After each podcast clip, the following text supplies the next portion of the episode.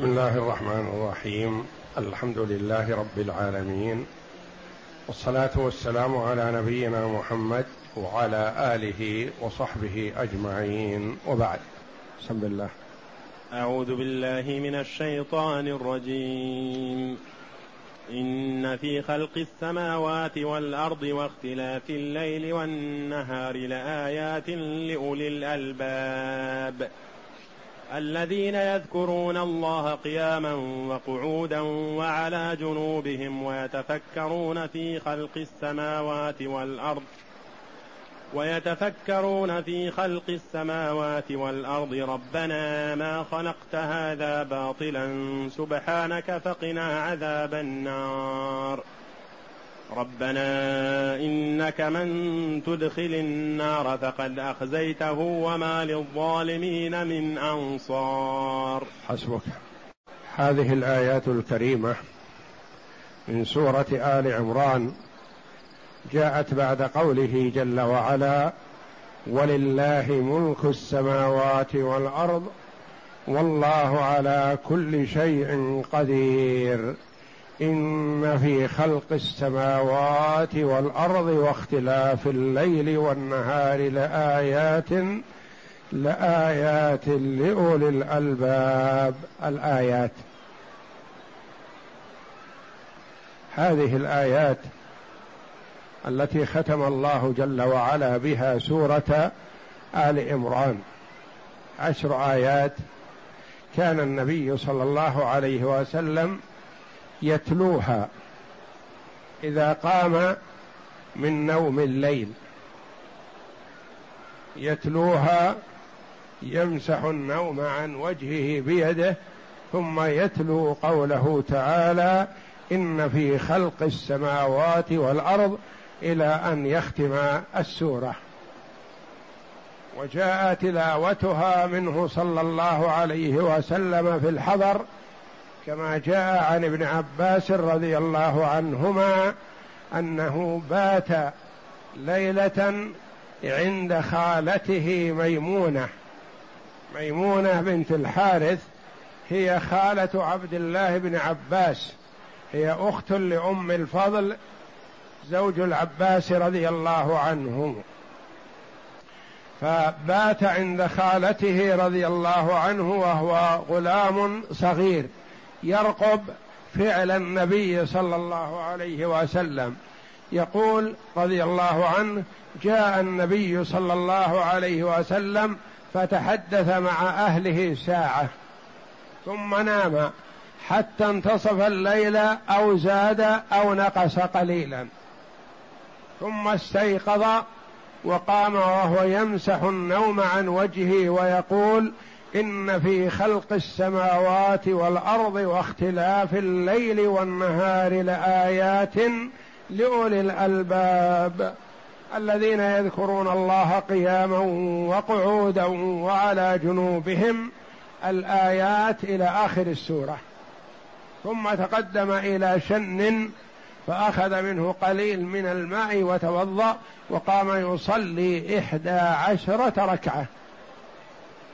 وآخر حديث آخر عن بعض الصحابة رضي الله عنهم أنه رأى النبي صلى الله عليه وسلم في السفر استيقظ من النوم ومسح النوم عن وجهه بيده ثم تلا إن في خلق السماوات والأرض. فثبت في السنة أن النبي صلى الله عليه وسلم كان يتلوها إذا استيقظ من نوم الليل. وجاء عن عائشة رضي الله عنها أن النبي صلى الله عليه وسلم قال ويل لمن قرأ هذه الآيات ولم يتفكر فيها فهي تدعو إلى التفكر والتأمل فيما دلت عليه. يقول الله جل وعلا ردا على من قال إن الله فقير ونحن أغنياء وما زعمته اليهود من الأكاذيب. قال جل وعلا إن في خلق السماوات والأرض الآيات. وجاء أن قريش قالت لليهود بماذا أتاكم به موسى؟ قالوا باليد والعصا. معجزة. وقالت للنصارى بماذا أتاكم به عيسى؟ قالوا يبرئ الأكمه والأبرص ويحيي الموتى بإذن الله. فجاء كفار قريش إلى النبي صلى الله عليه وسلم فقالوا نريد منك أن تدعو الله أن يجعل لنا الصفا ذهبا. فدعا رسول الله صلى الله عليه وسلم ربه فأنزل الله جل وعلا إن في خلق السماوات والأرض واختلاف الليل والنهار لآيات لأولي الألباب الآيات. وهذه الرواية تدل على أن نزول هذه الآيات كان في مكة والمروي على أن نزول هذه الآيات وأن آية آل عمران في المدينة من السور المدنية.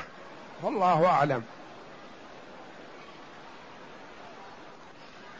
إن في خلق السماوات والأرض واختلاف الليل والنهار لآيات لأولي الألباب. آيات يعني علامات وبراهين. وأدلة واضحة. لمن؟ لأولي الألباب. من هم أولو الألباب؟ أصحاب العقول. العاقل الذي عنده فكر وعقل يستدل بهذه المخلوقات العظام على عظمة الخالق جل وعلا. فإذا كانت هذه الآيات وهذه العلامات من مخلوقاته فهو جل وعلا أعظم وأكبر. ومن يدرك هذا العاقل يتأمل. وكما قال العربي البعرة تدل على البعير والأثر يدل على المسير. فوجود السماوات والأرض بهذه الصفة العظيمة دلالة على وجود الله تبارك وتعالى. ودلالة على عظمة الله جل وعلا. والعاقل يتفكر فيما حوله. ما يمكن أن السماوات أوجدت نفسها. ولا أن الأرض أوجدت نفسها. فلا بد لها من موجد. من هو هذا الموجد؟ هو الله جل وعلا. وكما جاء أن جماعة من منكري وجود الرب جاءوا إلى أبي حنيفة رحمه الله وقالوا نحب أن نتناظر نحن وإياك.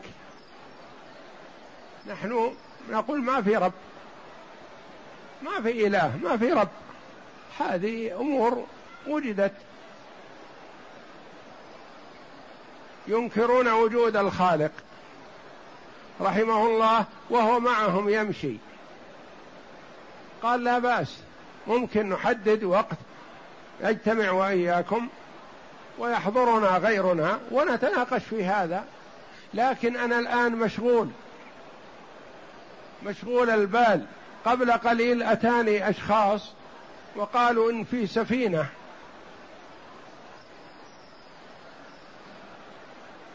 في البحر أوجدت نفسها تكونت بنفسها وتأتي إلى ميناء كذا وتحمل بنفسها وتذهب إلى ميناء آخر وتنزل بنفسها ثم تحمل حمولة أخرى هي بنفسها ما معها أحد. أنا مشغول في هذا هل ممكن هذا يكون ولا لا؟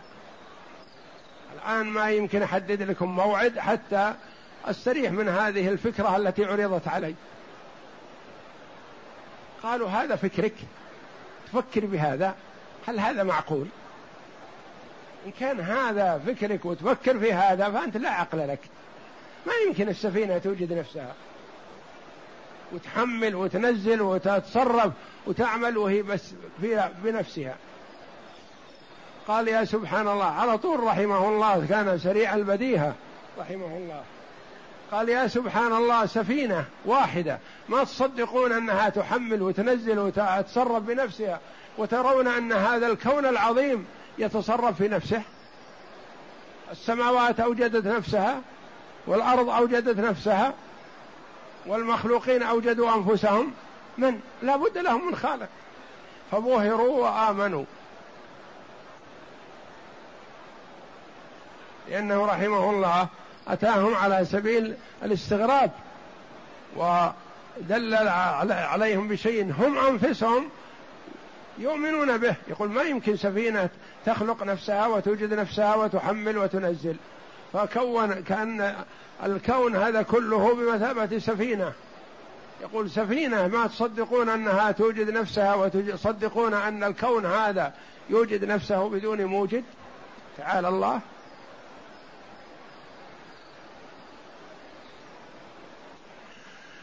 فالله جل وعلا يقول إن في خلق السماوات والأرض واختلاف الليل والنهار لآيات لأولي الألباب. خلق السماوات هذه السماوات العظام وما فيها من الكواكب وما فيها من الكائنات وقد لا يطلعون على ما فيها ولا يدرون إلا بالوحي. وخلق الأرض وما فيها من الجبال والوهاد والبحار والسهول والأشجار والأحجار والنباتات. خلق السماوات والأرض واختلاف الليل والنهار.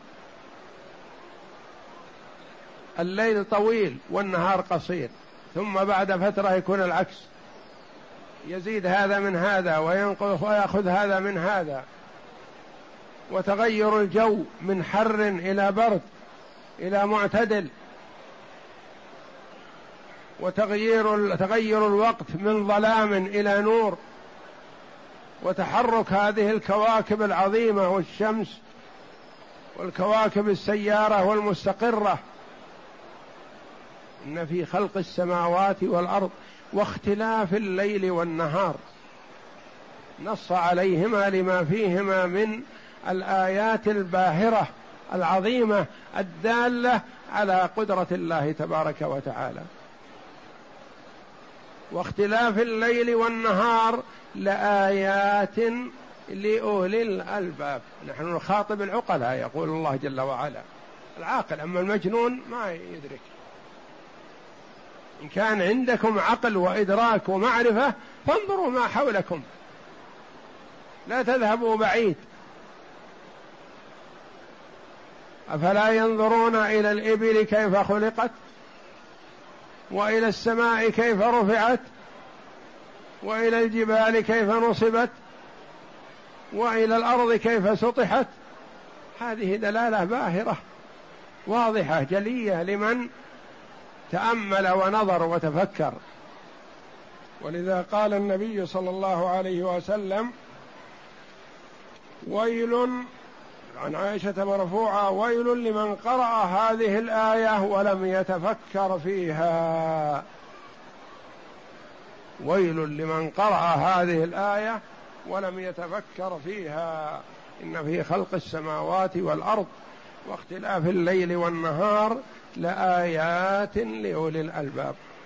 والتفكر مأمور به شرعا يحسن بالمسلم أن يتفكر ويتأمل في مخلوقات الله.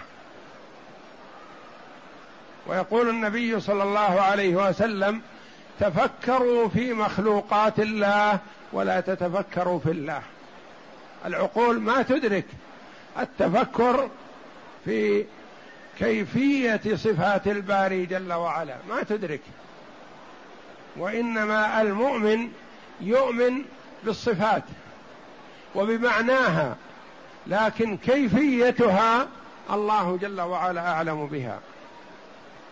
فالعقول ما تستطيع ولا تتحمل ولا تقوى على التفكر في الله وإنما عليها أن تتفكر في مخلوقات الله. يتفكر في القريب والبعيد يتفكر في السماوات وما فيها. وهذه المتانة والثبوت والملائكة تصعد وتنزل ولها أبواب تدخل منها وتخرج. وهذه الكواكب العظيمة فوق وفوق السماوات بعضها وترى في الأرض. مثل الشمس كما يقال في السماء الرابعة أو ما فوق ذلك وترى من هذه المسافة. وبين الأرض والسماء الدنيا مسيرة خمسمائة عام. وبين كل سماء وسماء مسيرة خمسمائة عام. وكتف كل سماء مسيرة خمسمائة عام. كتف السماء هذه الدنيا التي نراها مثل ما بين السماء والأرض.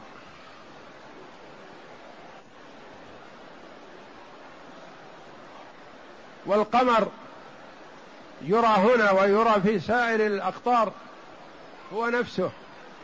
نحن نقول هنا القمر فوقنا. ويراه أهل الشام وأهل مصر وأهل باكستان وأهل الهند وأهل الجهات العدة يرون القمر معهم فوقهم.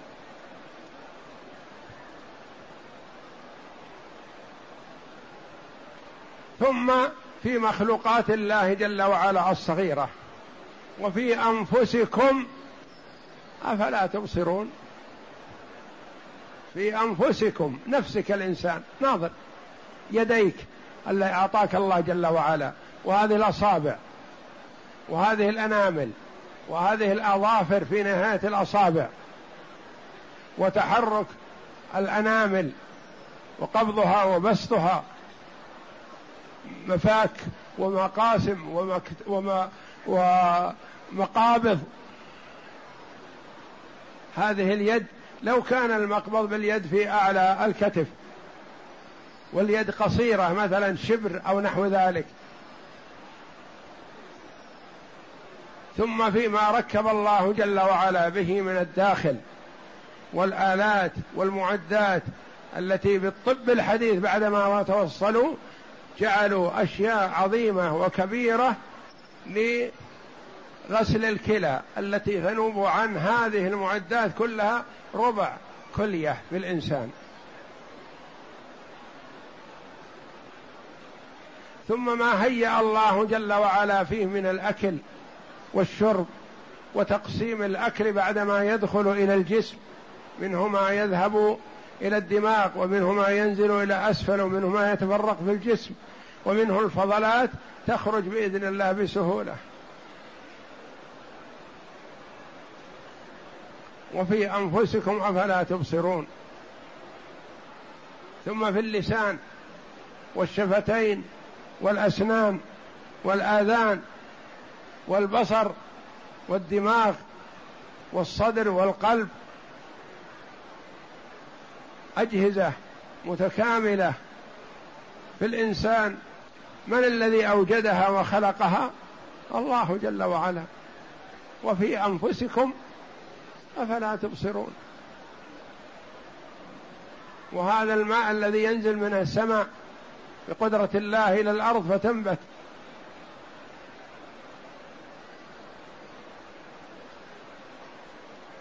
إن في خلق السماوات والأرض واختلاف الليل والنهار لآيات لأولي الألباب.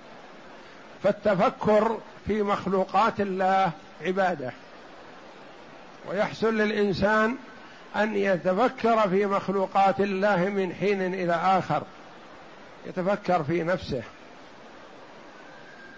كان بعض السلف يقوم في أثناء الليل ليتوضأ ويصلي فإذا به يذكر شيئا ما فيقف حتى يطلع الفجر وهو لا توضأ ولا صلى يتفكر فيما تفطن له من مخلوقات الله جل وعلا. نوم الإنسان ويقظته. ما جعله الله جل وعلا ينام وهو ماشي. كان يسقط في الطريق.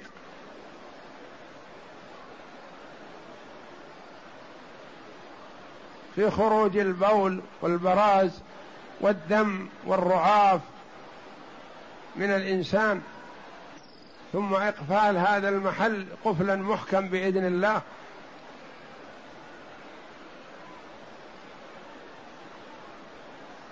وفي أنفسكم أفلا تبصرون. فيحسن بالمسلم أن يتفكر في مخلوقات الله جل وعلا الكبيرة والصغيرة وما أوجده الله جل وعلا في الكون ليزداد ايمانا بالله. والإيمان كما قرر علماء السنة والجماعة أنه يزيد وينقص.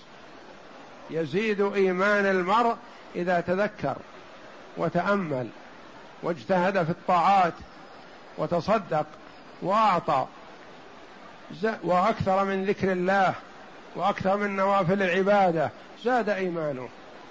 وإذا غفل وسهى ونسي وقارن قرناء السوء وأهل الغفلة نسي وغفل وذهل عن كثير من الأمور فنقص إيمانه. وكان الصحابة رضي الله عنهم ينادي بعضهم بعضا أحيانا يقول هلم نزدد إيمانا هلم نزدد تعالوا نجلس نتذكر في مخلوقات الله جل وعلا ونذكر الله جل وعلا نزداد إيمان. يزيد الله الذين آمنوا يزيد ويزيد الله الذين اهتدوا هدى والباقيات الصالحات خير عند ربك ثوابا وخير مردا. والآيات في زيادة الإيمان ونقصانه كثيرة لأن كلما زاد الشيء فإنه محتمل للنقص. وكما أن الإيمان يزيد وكذلك هو ينقص.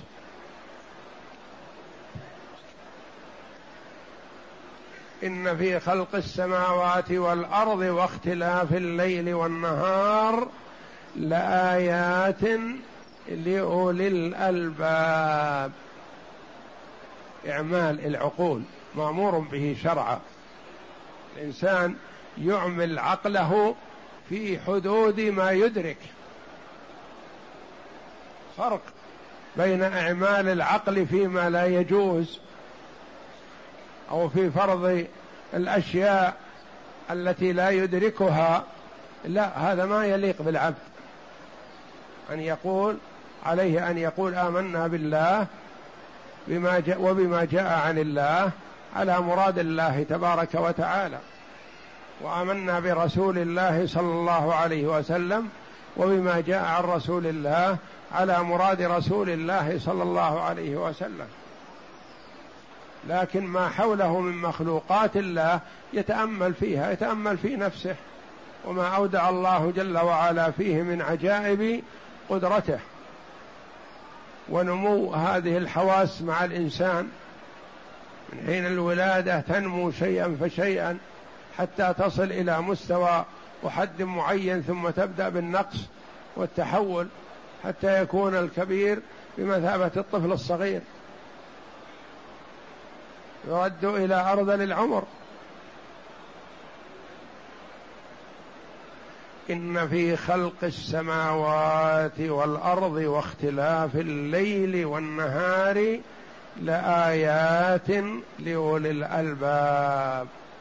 القرآن يخاطب العقول يخاطب العقول السليمة المدركة التي تميز.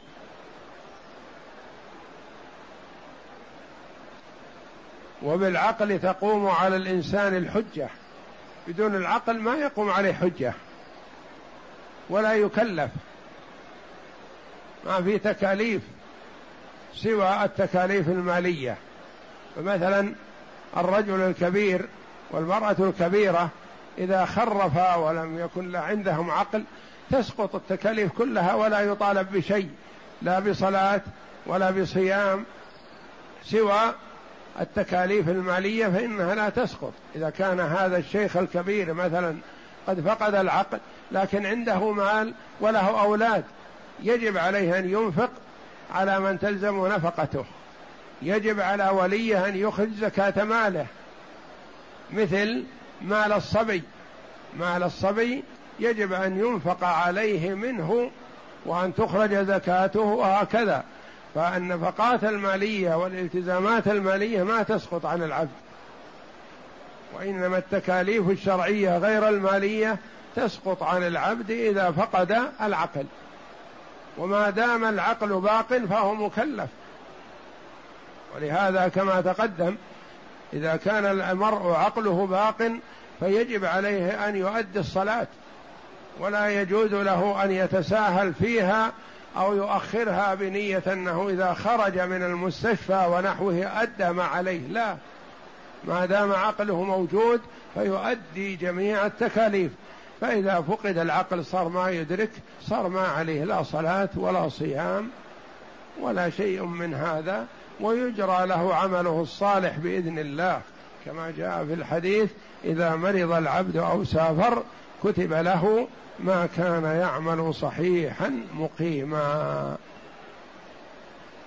وعلى العبد إذا مر بشيء من آيات القرآن أمثال هذه الآيات الكريمة أن يتأمل ويتفكر ويتدبر يزدد إيمانه ويقينه وثقته بالله واطمئنانه إلى أن الله جل وعلا على كل شيء قدير.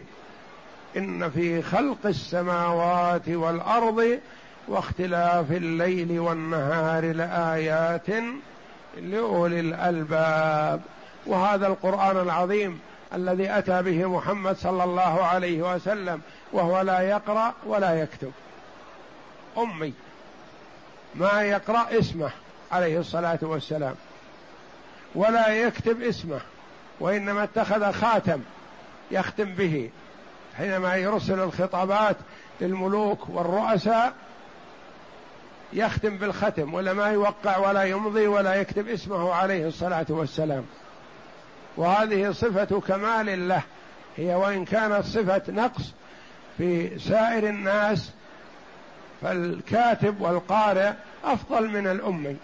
إلا في محمد صلى الله عليه وسلم فهي فضيلة لما أتى به من القرآن العظيم. أتى بهذا القرآن العظيم الذي يعجز البشر أن يأتوا بمثله ولو اجتمع الجن والإنس وتعاونوا ما استطاعوا أن يأتوا بمثله أتى به من عند ربه جل وعلا. دليل على أنه لو كان من عند غير الله لوجدوا فيه اختلافا كثيرا. قل لئن اجتمعت الإنس والجن على أن يأتوا بمثل هذا القرآن لا يأتون بمثله ولو كان بعضهم لبعض ظهيرا. لو تعاونوا وتساعدوا ما استطاعوا. ثم إن الله جل وعلا تحدى كفار قريش أن يأتوا بعشر سور. فعجزوا. فتحداهم أن يأتوا بسورة واحدة من مثله. وهم الفصحاء والبلغاء وأهل الفصاحة والبلاغة والشعر. ما استطاعوا أن يأتوا بسورة من مثله. دليل على أن كلام الله جل وعلا لا يشبه كلام المخلوقين. ولو ان ولولا أن الله يسره وسهله علينا ما استطعنا أن نفهمه. ولقد يسرنا القرآن للذكر فهل من مدكر. يسره وسهله جل وعلا لنستفيد منه وننتفع به. وجعله ميسرا مسهلا بإذنه تعالى. ولهذا تجد العربي والعجمي العجمي يتلوه مثل العربي بفصاحة وبلاغة ويأتي به بلفظه بدون أن يغيره إذا تعوده من الصغر وتعلمه. وهو لا يعرف أن يخاطب أخاه المسلم بأي خطاب غير القرآن القرآن يتلوه ويقرأه بفصاحة.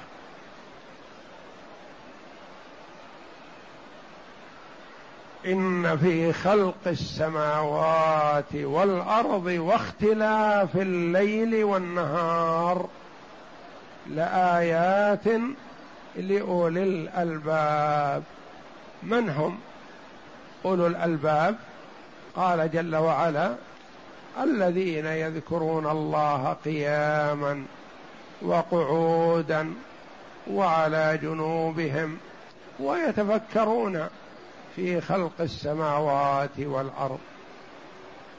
يصح في الذين يذكرون الله أن تكون في محل جر صفة لأولي الألباب لآيات لأولي الألباب يذكرون الله. ويصح أن تكون في محل رفع فتكون هم الذين يذكرون الله. ويصح أن تكون في محل نصب أعني أو أقصد الذين يذكرون الله قياما وقعودا وعلى جنوبهم. ويأتي الكلام عنها إن شاء الله في الدرس القادم. والله أعلم. وصلى الله وسلم وبارك على عبد ورسول نبينا محمد وعلى آله وصحبه أجمعين.